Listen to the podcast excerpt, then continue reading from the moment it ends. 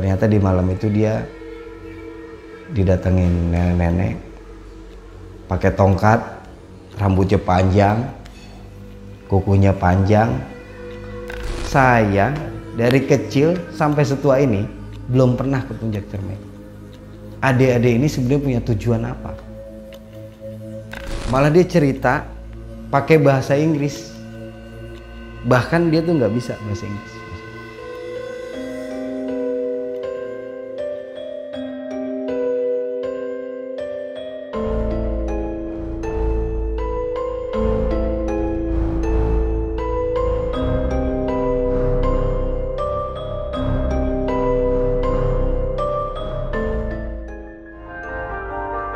Video ini dimulai, gak bosan-bosannya kami mengingatkan kalian, jangan lupa untuk tetap di rumah aja.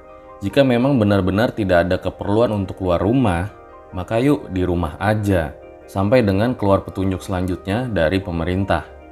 Mari kita perangi wabah virus corona ini bersama-sama, Indonesia bisa.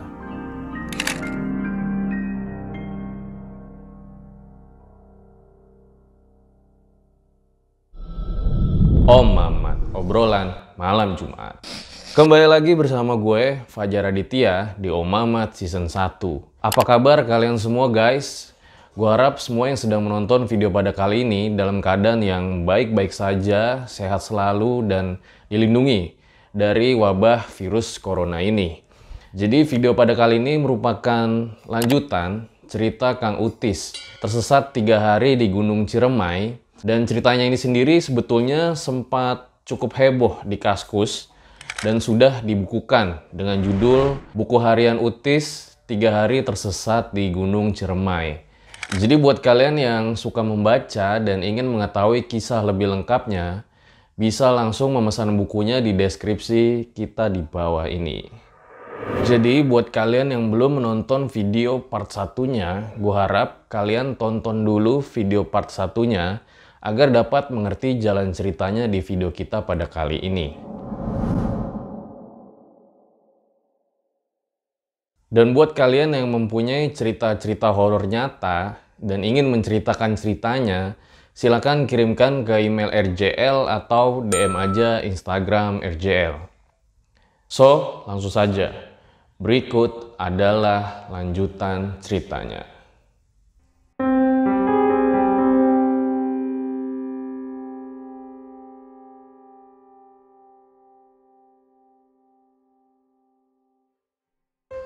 Ternyata Encam ngeliat tuh kan rimbun tuh daun-daun dia giniin tuh lihat. Ke depan sana tuh udah jurang. Tapi untungnya dia cepet juga gitu loh uh, si tahu bahwa kita nggak boleh gerak lagi. Kalau gue gerak lagi kita nggak tahu nih bisa jadi ambles atau jatuh dan sebagainya lah. Akhirnya kita mundur pelan-pelan cari arah yang nggak ke arah situ. Akhirnya kita ngelewatin tuh tebing-tebing. Kita ngelewatin tebing kita turun gua mancam kan yang pakai celana pendek ya biasa dibilang gua nggak pakai pakaian safety lah gitu loh. Akhirnya gua nemuin salah satu pohon yang gini loh. Kalau lu tahu di apa namanya pohon kelatang tau nggak? Kalau kena kulit kan gatel. Nah kalau di sana yang gua rasain berdua encam kena pohon itu bukannya gatel tapi dia kayak nusuk-nusuk gitu loh. Kayak ada yang gerak seret gitu wah kesakitan akhirnya kita teriak-teriak kita kan. Alkohol alkohol gitu. Kaki gue sakit ini. Kaki gue perih perih akhirnya ini apa namanya dikasih alkohol kita balur pakai alkohol pakai perban. Kita gosokin hilang sih. Akhirnya kita cek cek kita cek. Ternyata di situ ada satu pohon kita ambil dia berbulu lah. Tapi kerennya itu bulunya di bawah bukan di atas atau di pinggir. Dia bulunya di bawah pas kita ambil kita tempelin ternyata pohon itu yang gatal. Kita udah mulai takbir lah tuh di situ. Teriak-teriak Allahu Akbar Allahu Akbar. Ini udah mulai ketakutan. Akhirnya kita nemuin salah satu hutan kering. Hutan kering itu yang kalau lu tahu pohon patah tulang. Pohon patah tulang ya pohon patah tulang tuh yang nggak ada daunnya sama sekali. Tapi ini coklat yang udah kering. Tuh kita masuk ke hutan kering itu apa ke baru kita masuk ke hutan kering itu burung yang tadi ada di puncak gunung ternyata dia datang. Bukan satu lagi kalau kita di puncak kan satu tuh. Gimana ya? Ya lu bisa bayangin deh kalau misalnya gue juga kaget pas waktu masuk hutan kering kok ma apa tiba-tiba burung datang berdatangan berdatangan sampai kalau lu bisa eh, apa kalau lu pengen tahu jumlahnya ngebayangin gini aja nih. Burung itu dia ngikutin kayak kita jalan bahkan di kaki gua gua orang jalan tuh burung tuh kayak ngikut jalan terus belum di ranting-rantingnya jadi kalau kasarnya gitu amit-amit kalau burung itu jahat kita dipatokin berempat mungkin kita nggak bisa lanjutin jalan lagi. Tapi untungnya burung itu baik dan kekhawatiran kita juga berempat tuh udah mulai muncak juga gitu loh mulai panik di situ. Akhirnya dengan paniknya si Naning berusaha minta tolong kayak ke burung gitu loh. Burung kita anggap temen burung lu kan temen gua gitu. E, tolong kasih tahu jalan keluar atau jalan pulang tuh ke mana. Terus burung itu biasalah kayak tengok-tengok gitu. Oh ke sono ya kayak gitulah. Akhirnya gimana ya menghibur rasa takut lah kasarnya. Kita ngalihin rasa takut kita kita udah punya asumsi macam-macam sih itu dengan burung sebanyak itu karena kita belum pernah lihat terus kita lewatin tuh uh, apa namanya uh, jalur hutan kering itu. Mulailah di situ juga kenalah goresan-goresan gua mancam mulai apa ya berdarah lah. Nggak lama mungkin sekitar kurang lebih satu sampai satu setengah jam lah kita di hutan ke apa kering itu kita keluar dari hutan kering itu sebelum keluar dari hutan kering itu di antara hutan kering sama hutan yang hijau lagi ada satu pohon gitu yang tinggi ke atas di antara hutan kering itu encam naik ke atas pohon karena untuk meyakinin ngecek di mana jalur dan peking itu sebenarnya di situ kenapa Encam ngecek ke atas pohon itu di hutan kering itu? Karena peking punya ide konyol dia pengen bakar hutan. Dia bilang alasannya kita bakar aja nih hutan. E, kenapa? Biar intinya tim sar atau ada orang yang tahu lah ada keberadaan kita biar bagaimana caranya. Dia intinya pengen dia selamat lah pengen ada yang bisa nolong kita lah keluar dari hutan itu. Tapi ide Peking itu mau bakar hutan kita bantah walaupun dia bilang paling juga cuma di penjara satu tahun lah dua tahun tiga tahun paling lama tapi kita selamat kan gitu loh. Tapi gue dan anak-anak yang lain mencam semua nggak mau lah. Nggak mau ya posisi kali itu nggak tahu di mana akhirnya encam mutusin nih. Ya udah gue coba naik dulu ke pohon gue mau lihat di mana kali itu adanya gitu loh. Akhirnya encam mutusin naik ke atas dan dia lihat-lihat terus dia, dia turun. Pas dia turun bilang gue nggak ngeliat kali.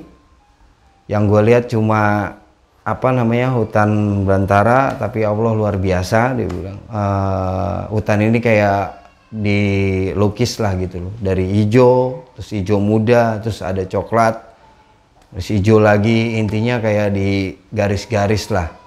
Dan dia bilang nggak lama dari hutan ini kita ketemu lagi hutan kering tapi nggak seluas yang kita lewatin sekarang dia bilang gitu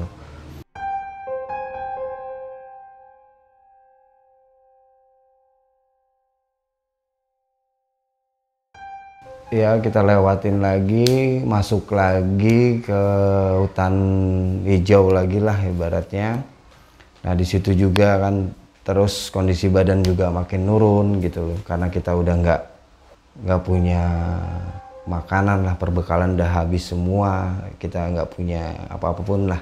Akhirnya kita berpikir gini loh uh, yang penting lambung kita diisi sama ada yang keisi lah. Akhirnya pilihan kita pada waktu itu ibaratnya buat lambung kita biar nggak naik nih asam lambung akhirnya kita ngambil pucuk-pucuk yang bisa kita makan. Setelah, itu juga sepengetahuan kita pucuk mana yang bisa kita makan. Ya itu aja lah uh, kita bertahannya untuk selama proses berjalan gitu loh. Dan kondisi lah udah mulai mental juga down terus mulai takbir kita terus diucapin terus kita teriak-teriak gitu loh. Pak Sandi tolong Pak Sandi tim SAR apalah Allahu Akbar la ilaha illallah. Kita ketemu lagi nih sama yang namanya hutan kering yang tadi Encam bilang. Karena ada hutan kering lagi tapi nggak selebar yang kita lewatin atau seluas yang kita lewatin. Lucunya pas kita masuk ke hutan kering lagi-lagi tuh burung datang lagi. Makin bengong lah kita. Kok burung mulai datang lagi jumlahnya sama banyak juga. Udah kita mulai kaget. Kenapa uh, di hutan hijau nggak ada satupun tuh burung yang kelihatan tapi setiap masuk hutan kering itu burung dia datang. Seakan-akan dia kayak jadi daunnya gitu loh. Kebayangkan banyaknya kayak gimana. Nggak lama mau kita keluar hutan kering itu anehnya berlahan-lahan burung itu hilang kita inisiatif udahlah kita pikir lagi kita cari aja ke arah aliran air lagi. Karena kan pikirkan kita otomatis air kan mengalir dari dataran tinggi ke dataran rendah. Akhirnya kita betul nggak lama kedengaran gemuruh-gemuruh air akhirnya kita nemuin lah tuh. Setelah kita nemuin kita juga kaget karena kita harus nurunin tebing yang cukup tinggi gitu dari yang kita tadi lewat. Kalau untuk mau nyampe ke bawah apa aliran sungai itu. Kita turun, kita cuma pakai jari doang. E, kondisi juga udah kayak gitu, akhirnya kita gini kayak ngerambat gitu loh, turun ke bawah, turun ke bawah kita cuma modal jari, kita tusuk-tusuk nih jari kita ke arah tebing itu untuk bagaimana caranya kita biar selamat turun dari apa sih dari tebing. Tapi alhasil apa? Jari-jari gua dan encam yang nggak pakai sarung tangan mulai ngeluarin darah lah gitu loh. Dan gimana ya udah bukannya nggak sakit atau nggak peduli cuma di situ bagaimana gua mikirnya kita selamat aja jangan sampai jatuh dari tebing itu akhirnya sampai ke bawah terus sampai ke bawah ketemu lagi nih air terjun lagi. Ketemu air terjun lagi tapi tinggi Sincam di situ minta karena kan nggak ada pohon nggak ada apa-apa terus kalau kita mau turun juga nggak bisa gitu. Akhirnya Sincam minta tali keluarin tali kata dia. Nah akhirnya pas kan kebetulan tali itu di tas gua di carrier gua dia harusnya ada di atas karena dia nggak ditaruh di dalam dia di balik back upper tali itu nggak ada gitu akhirnya bengong anak-anak semua. Diperiksa semua tas satu-satu. Tas dicek satu persatu ternyata emang tali itu hilang. Nggak ada. Akhirnya Encam mepet nih ke tebing. Padahal tadi talinya di tas. Di tas.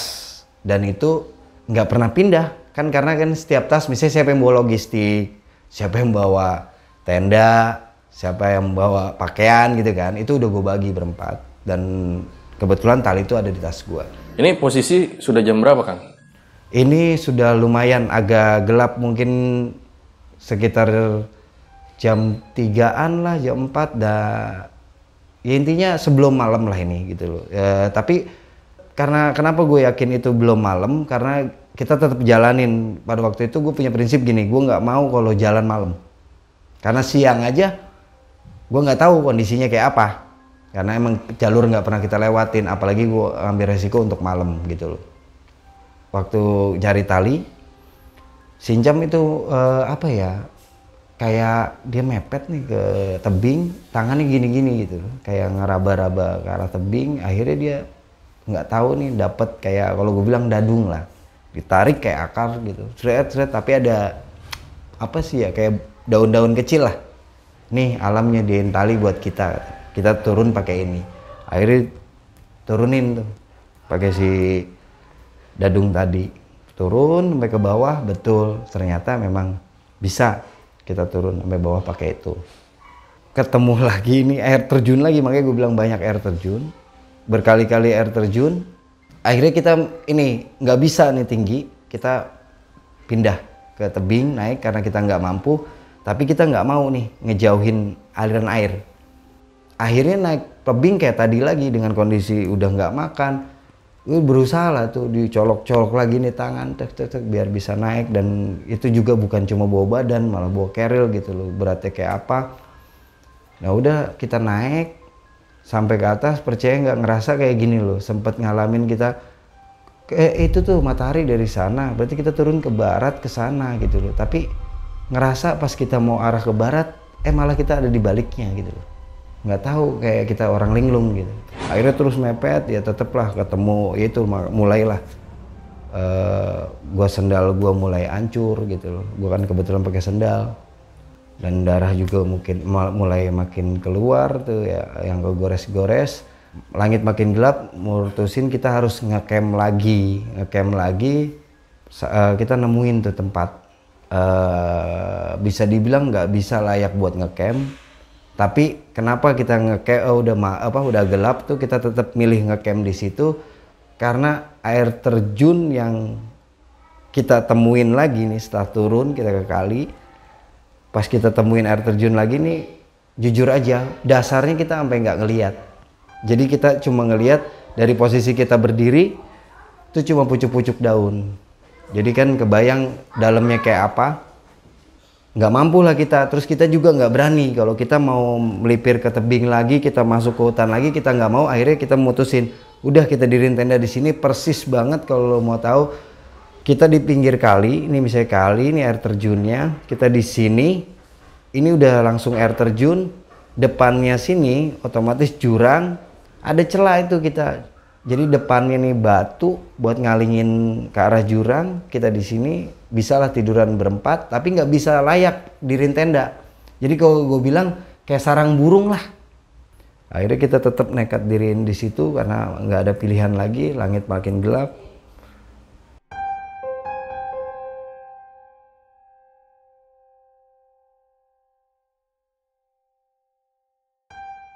akhirnya kita nggak banyak uh, ngomong lah mulai nggak banyak ngomong di situ kita masuk dalam tenda kita mau nggak mau istirahat tapi ya itu uh, perbekalan lagi-lagi.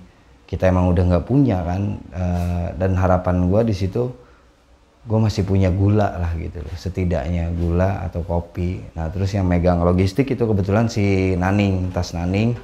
Pas kita tanyain masih ada nggak gula kopi? gitu intinya bisa buat ngangetin pikiran kita. Ternyata memang nggak sadar di tasnya si Naning itu udah hilang kopi gula udah nggak ada apa-apa. Sama sekali yang masih nyisa masih tetap garam aja tuh garam gitu. Akhirnya adalah istirahat istirahat. Berarti di malam itu kalian berempat nggak makan sama sekali? Enggak kita kan udah nggak makan kita cuma pakai pucuk-pucuk daun aja gitu loh. Nggak lama ada burung men, eh, nemplok. Ada burung nemplok ke atas tenda biasalah cicit-cicit gitulah. Eh, terus per terbang nggak lama kemudian si Naning teriak Allahu Akbar la ilaha illallah Muhammad Rasulullah. Pokoknya dia teriak bener-bener teriak ketakutan. Uh, bahkan kalau encam versinya encam lihat nih dia tuh kayak apa ya udah gemeter gitu loh ketakutan kayak orang gemeter. Akhirnya uh, kita semua bangun gue juga nyikut encam kan pada waktu itu cam ayo bangun kita bangun. Ternyata Naning tuh bener-bener nangis posisi dia teriak gitu terus Allahu Akbar la ilaha illallah. Ternyata pas kita tanya kenapa nih kenapa nih dia tetap eh, nggak uh, mau jawab ada apa atau dia nemuin apa?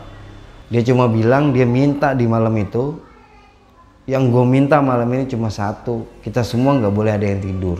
Kita semua harus berdoa gue nggak mau tahu ya pokoknya intinya kita nggak boleh ada yang tidur kita harus berdoa. Nah dari situ kita kan makin panik gitu loh. Dan kondisi kan juga emang udah parah lah di situ. Ngelihat teman kita kayak gitu gue jujur mulailah air mata juga nggak bisa dibendung. Mulai pada nangis lah itu di tenda. Encam berdoa uh, pakai bahasa Indonesia intinya gini. Ya Allah kami makhluk yang sangat kecil gitu. Kita tidak lebih besar dari debu kita banyak dosa dan sebagainya. Ya kalau kita mau diselamatkan ya tolong diselamatkan gitu. Dan pasrah lah intinya di malam itu udah pasrah mau apa pun yang terjadi ya udah gitu terjadi. Dan alhamdulillah tanpa sadar emang kita mungkin udah capek dan sebagainya ternyata kita akhirnya bisa tidur juga gitu loh. Ketiduran lah. Dan pagi kita bangun pagi oh ya di malam itu kan makanya tadi si Naning teriak-teriak itu ternyata ini kan tapi pengakuan dia ini setelah dia pulang maksudnya setelah kita pulang jalan pulang ternyata di malam itu karena kan di malam itu kita kekeh menanya dia nggak mau jawab kan? Ya ini ternyata di malam itu dia didatengin nenek-nenek pakai tongkat rambutnya panjang kukunya panjang kalau bisa dibilang dia pakai pakaian tahu nggak kelaras pisang. Pohon pisang yang udah tua pohon pisang yang udah tua tapi kulit kulitnya jadi kayak bentuk sisik lah versinya dia. Waktu turun dia bilang dia kayak mau makan kita lah kasarnya gitu. Tapi langsung hilang.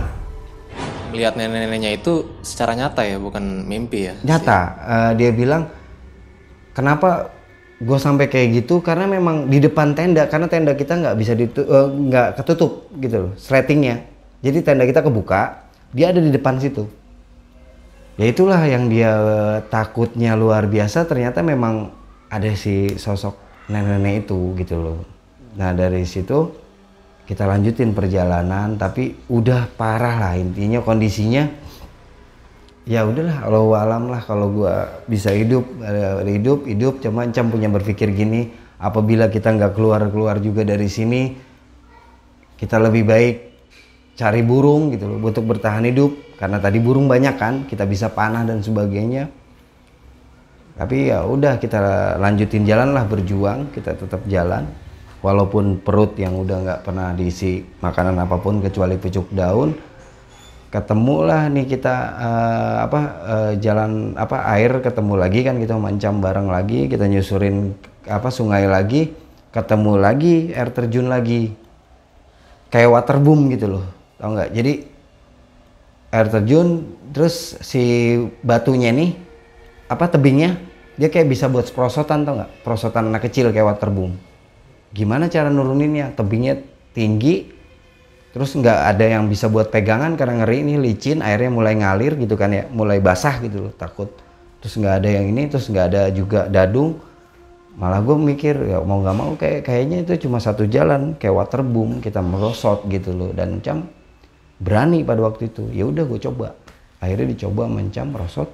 Tapi yang gue paling takut kenapa gue nggak mau itu kan dia merosot kayak gitu cam di bawah ada ini loh. Ini ada batu gede di bawahnya air terjun lagi. Jadi dua kali gitu loh. Kalau lo turun nggak jauh air terjun lagi gitu loh. Nah ancam akhirnya dia buka belatinya tuh. Nah eh, si Keril dijadiin buat pentokan ke batu nah dia ngeremnya itu dia pakai si belati. Dia merosot gitu kan kayak waterboom ini dianggap rem si belati ini. Seret dia turun ke bawah. Ya bener alhasil dia apa? Eh, mentokin ke batu kan pakai keril. Gue bisa gitu lu juga pada bisa. Intinya di situ cuma apa ngasih semangat kita satu sama yang lainnya lu harus bisa. Gue bisa kenapa lu nggak bisa gitu? Kita harus selamat semua. Akhirnya satu-satu turun dah tuh udah kan bisa kan gini gini gini. Ya udah akhirnya nah PR lagi nih ngelewatin yang satu apa satu air terjun lagi yang di depan tadi yang kelihatan dari atas itu. Ngancam nemu lagi tuh dadung diturunin lagi dadung. Yang turun pertama tuh gue lupa siapa. Gue turun selanjutnya si dadung itu putus. Pas gue turun badu dadung itu putus di bawah ada batu juga. Pala gue kena jedar kebentur batu. Katanya anak-anak di situ kan itu ada kobangan air lah gitu ya. Turunnya air terjun kan kayak ada air lah gitu. Katanya gue udah kayak ngambang gitu. Nah, gue nggak sadar itu gue di apa di kedaratin gitu loh. Kayak anak anak-anak ambil gue, gue ditamparin sama encam, encam gue inget tuh encam ada di atas gue dia namparin sambil nangis, lu nggak hati-hati lu gini-gini. Makanya gue bilang tadi apa lu hati-hati? Gitu loh. Turun lu hati-hati. Ternyata memang uh, pas gue pegang kuping gue gitu ternyata ngeluarin darah yang gue teriak gue ingetnya cuma kepala gue pecah cam, kepala gue pecah. Ternyata Encam ngebohongin gue kata dia nggak apa-apa pala lu nggak pecah padahal tapi gue pegang darah gitu tapi dia intinya ngebohongin gue biar gue semangat lah. Jangan sampai gue down gitu loh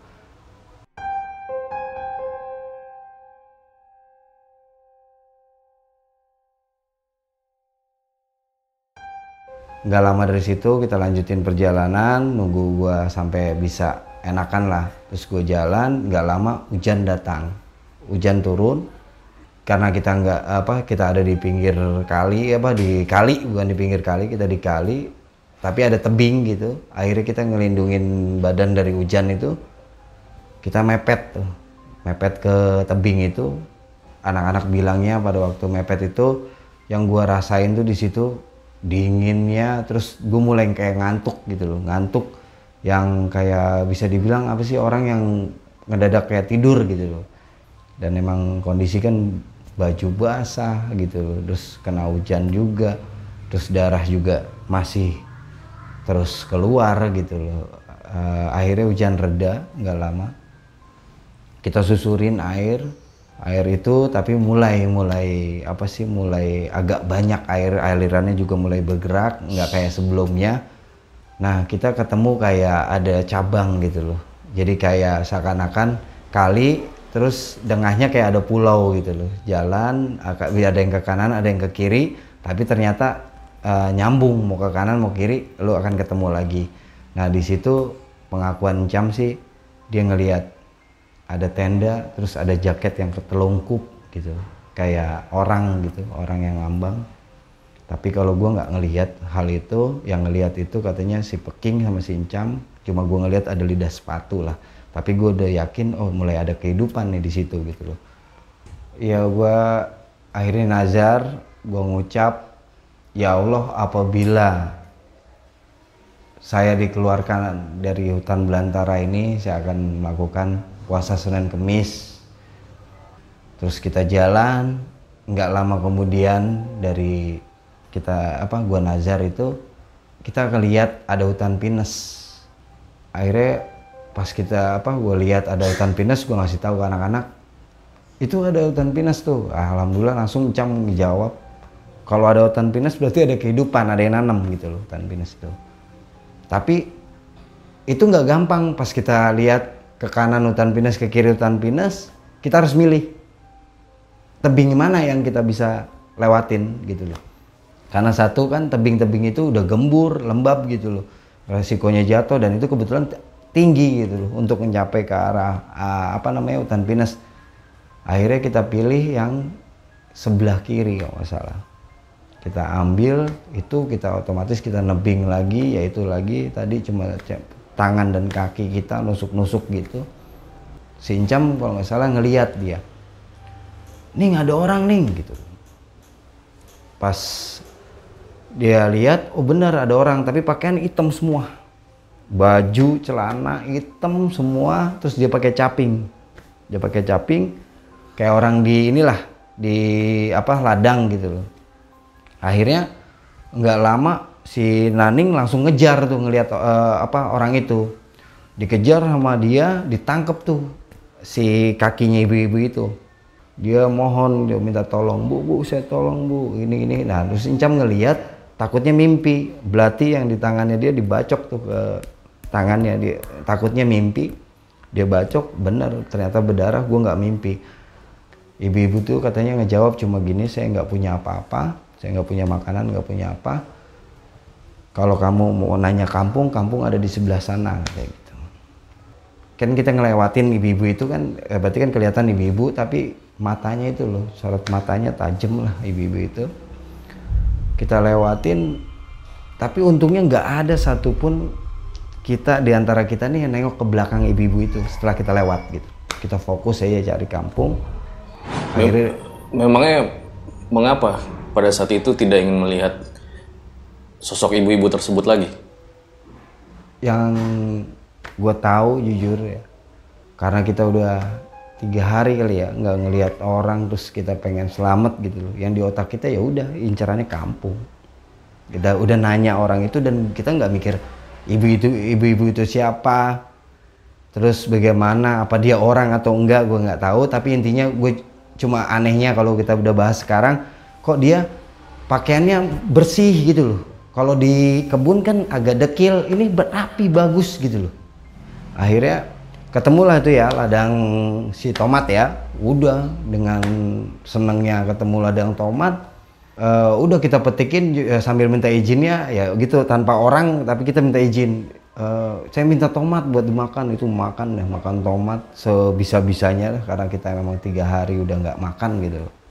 Kita lanjutin jalan dari ladang tomat itu ketemu aliran kali kan aliran kali yang ke arah desa. Aliran kali ke arah desa karena darah kotor apa kita mau masuk desa kan nggak mungkin kondisi kayak gitu. Akhirnya kita bersih bersih tuh di uh, kali itu. Akhirnya udah kita lanjutin kita ketemu warung. Udah kita masuk ke warung. Tapi di warung itu kan banyak orang. Lucunya nih setiap jangankan ada yang nanya gitu loh uh, kita ngelirik aja dia nggak mau ngelirik kita gitu. Ya pesen nasi sama ibu itu buat makan. Kan karena di kampung kan prasmanan tuh. Kita ambil ambil gitu kita makan udah. Akhirnya habis tuh nasi yang satu bakul stoknya si ibu itu. Tapi kita jadi tontonan tuh di warung itu. Jadi kata si sih kalau gue sih nggak nggak nggak memperhatiin banget ya belakang warung atau apa. Kata Incam kita malah kayak ada orang yang ngeliatin gitu loh. Terus eh, orang yang mau ngeliat tapi kita balas lihat pasti dia nggak mau.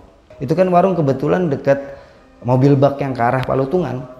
Kalau buat tempat ngetem ngetem untuk penumpang yang dari desa pengen ke bawah gitu loh.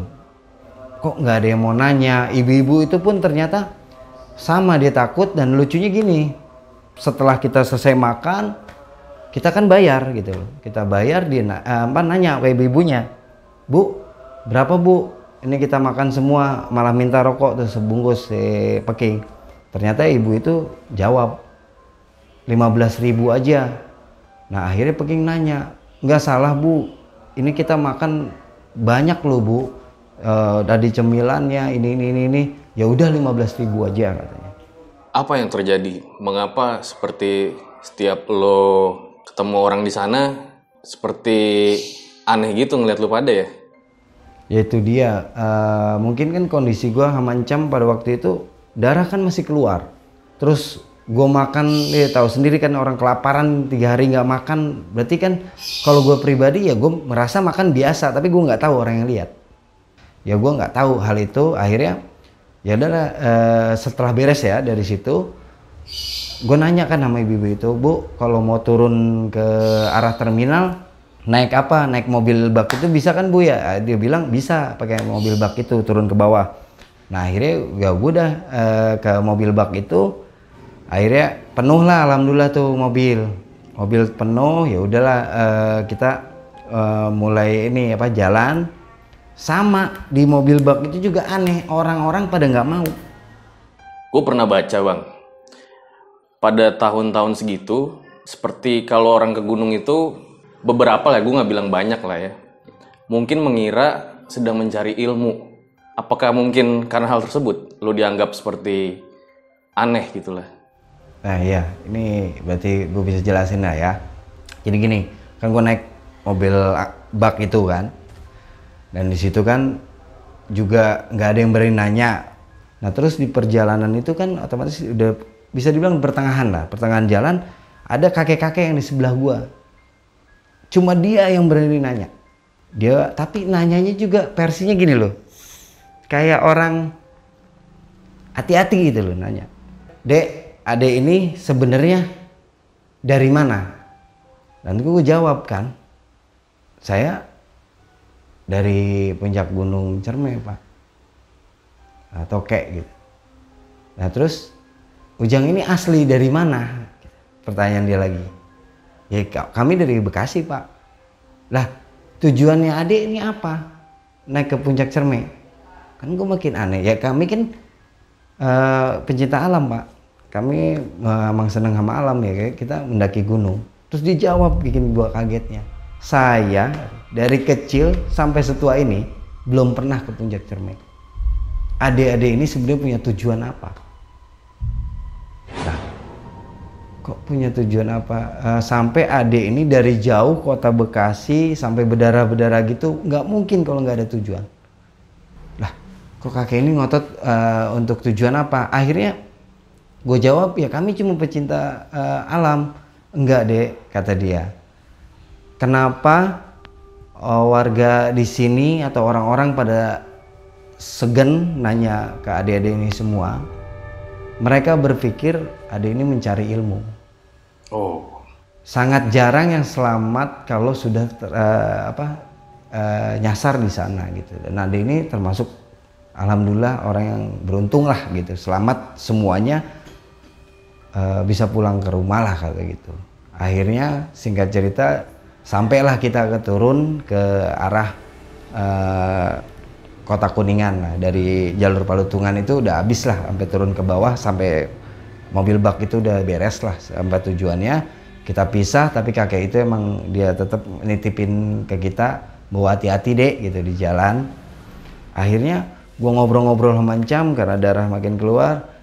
Ah, masih keluar bukan makin keluar masih keluar. Encam mutusin gini King kayaknya eh, kita nggak usah naik angkot untuk ke terminal. Kenapa kayaknya orang-orang ngelihat gua nih pada kayak gimana gitu loh. Mungkin karena darah gini-gini nih akhirnya Pak King bilang jawab ya udah kalau gitu kita jalan kaki. Akhirnya di sepanjang jalan kaki pun ya memang di situlah eh, yang apa diungkapin dari si Naning gitu loh. Ternyata Naning ngungkapin di Goa Walet itu ternyata kita tuh sebenarnya udah dimimpiin si Naning. Kita bakal tersesat selama tiga hari itu udah dimimpiin di apa dimimpiin di Goa Walet sama nenek-nenek tapi kan dia nggak berani kan cerita kalau di sana kita jalan Mimpi seperti apa tuh? Iya kayak dia di dalam mimpi kamu akan tersesat terdampar di hutan ini selama tiga hari. Nenek-nenek Nenek-nenek. yang tadi ketemu. Ya mungkin. Akhirnya kita ketemu ke terminal, udah naik bus, kita arah ke Bekasi. Encam sama Peking, gua sama Naning. Lagi-lagi bawa bapak di sebelah gua nggak berani juga untuk negor untuk apa gitu. Dan jadi cuma buat lihat-lihat apa orang yang di bus itu ngeliat-ngeliat. Kita tapi kalau kita lihat balik tetap dia buang muka lah gitu atau buang alihan pandangan. Eh, di pertengahan lah nggak tahu di mana. Eh, masih di daerah sana lah masih daerah belum masuk ke tol. Ada mbak-mbak naik naik bus tapi anehnya mbak-mbak itu orang-orang yang di situ aja nggak mau ngelihat kita tapi mbak-mbak itu milih duduk di, berani di deket encam. Eh, mbak-mbak itu aneh nih. Setelah berjalannya eh, apa dia jalan kita di perjalanan jam- apa mbak-mbak itu nanya Mas kalau turun di Cikarang bisa ya ini? Kata, kata Encam bisa bisa kata dia. Nanti juga keneknya bilang. Be- terus sampai Karawang nih Encamnya nanya Mbak udah mau ke Karawang Mbak? Nggak turun. Jawaban si Mbak itu nggak mau turun. Nanti Mas kayaknya saya ke Cikarang. Ketemu lagi nih Cikarang. Di apa Encam nggak mau nanya lah kok nggak mau turun juga? Kita sampai nih kalau dulu di sini sebutnya tol Citra lah. Sekarang kan dijadi tol Cikunir lah. Nah itu gue mau mau turun di situ karena gue nggak mau ke Bablas Pulau Gadung kejauhan karena udah pengen banget pulang gue minta berhenti di situ nggak bisa nih. Supirnya nggak mau berhentiin di tengah-tengah apa di tengah tol. Dia nggak mau berhentiin di tengah tol akhirnya maksa. Eh, pokoknya turunin gue di sini gitu. Supirnya tetap nggak bisa akhirnya sampai kita ngotot gue pecahin nih kaca kalau nggak mau eh, nggak mau berhenti. Akhirnya eh, baik juga nih supir sama kenek. Kita nggak berhenti tapi kita pelanin aja eh, apa namanya bus. Kita loncat tuh dari situ. Nah Encam langsung teriak pas kita turun itu bukan apa bukan orang katanya mbak mbak itu. Jadi mbak mbak itu masih melototin Encam kita bingung kan Encam kayak orang ngamuk. Itu dia bukan orang tuh.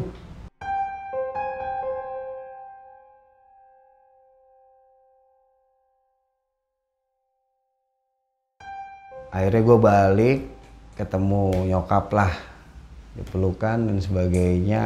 Gue sedih lah gitu akhirnya dapat kabar lagi Encam itu di malam itu dia balik dia nggak berani tidur. Takutnya dia kebablasan tidur nggak bangun-bangun lagi. Dia akhirnya dia muter di daerah sini aja dan dia ketakutan ngelihat air yang ada di bak aja. Gue jujur aja emang kayak Parno gitu. Seperti trauma maksudnya.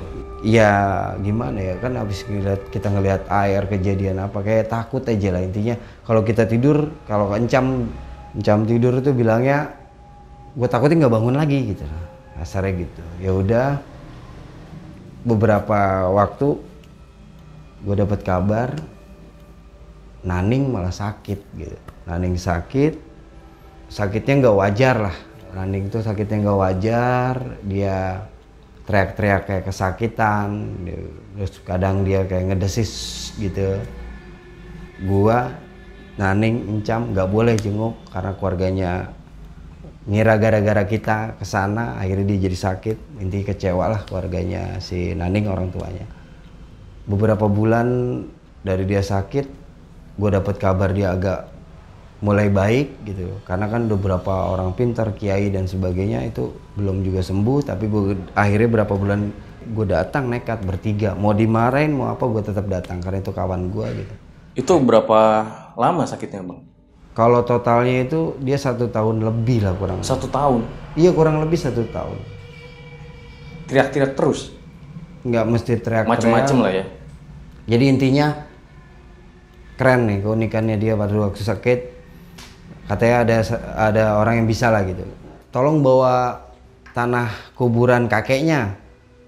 Misal itu tanah kuburan belum sampai ke rumah dia, dia udah tahu. Padahal dia nggak dikasih tahu. Terus lucunya si Naning nih kalau di- dijenguk sama temen yang dia nggak suka, malah dia nampar gitu, pakai jarinya doang.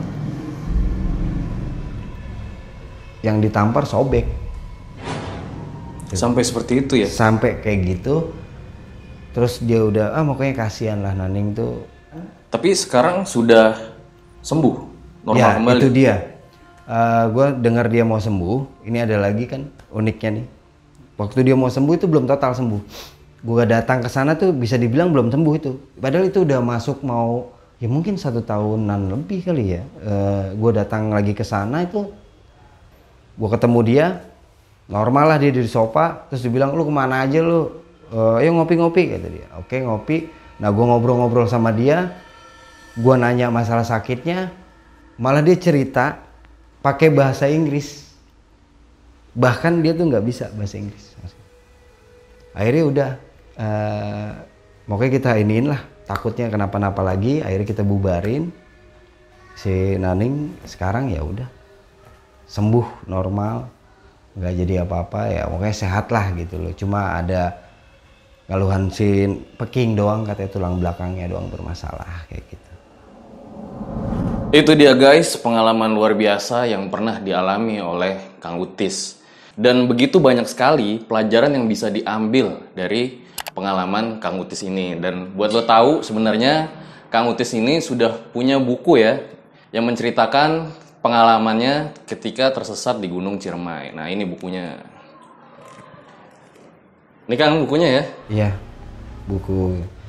Ya buku ini gue takutnya durasi masalah durasi di video ini. Gue takutnya lu pada bete atau teman-teman mau pada bete. Mungkin kalau pengen lebih lengkap bisa lah baca di bukunya langsung. Kebetulan alhamdulillah Januari kemarin Mulai mulai terbit ya? iya, mulai terbit dan lu bisa uh, pesan deh ke IG gua atau DM gua kalau enggak ada di store apa di nulisbuku.com.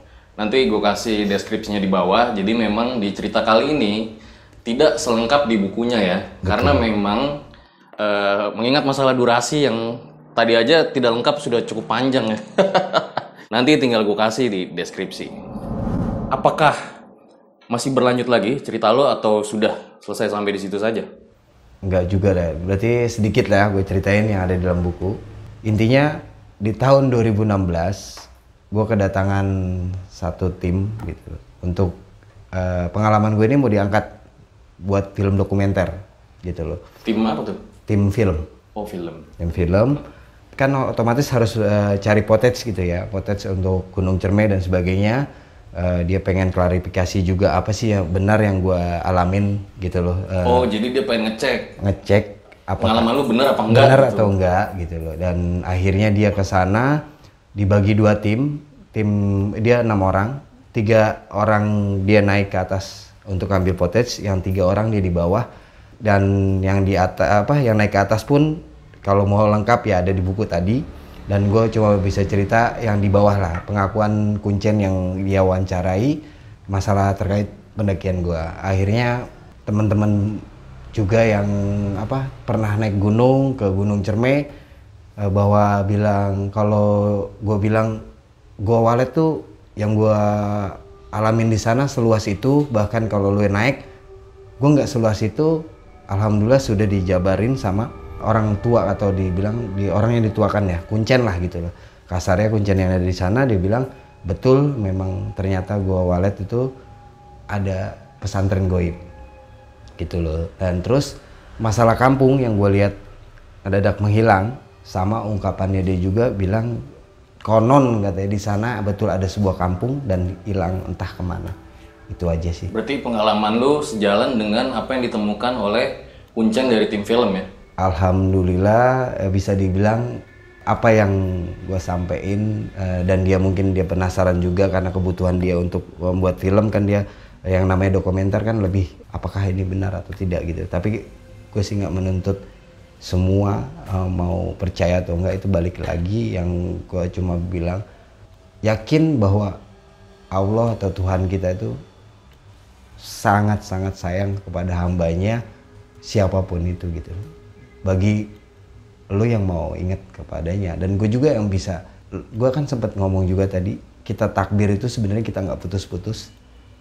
Kita bertakbir misalnya kayak lo udah udah nggak takbir gue akan lanjut gitu dan kalau gue berhenti teman gue yang lain lanjut Tapi ini pertanyaan terakhir Kang. oke Mungkin ya. siap Ada nggak sih kesalahan-kesalahan yang sampai sekarang tuh lo pikir dalam pendakian lo itu?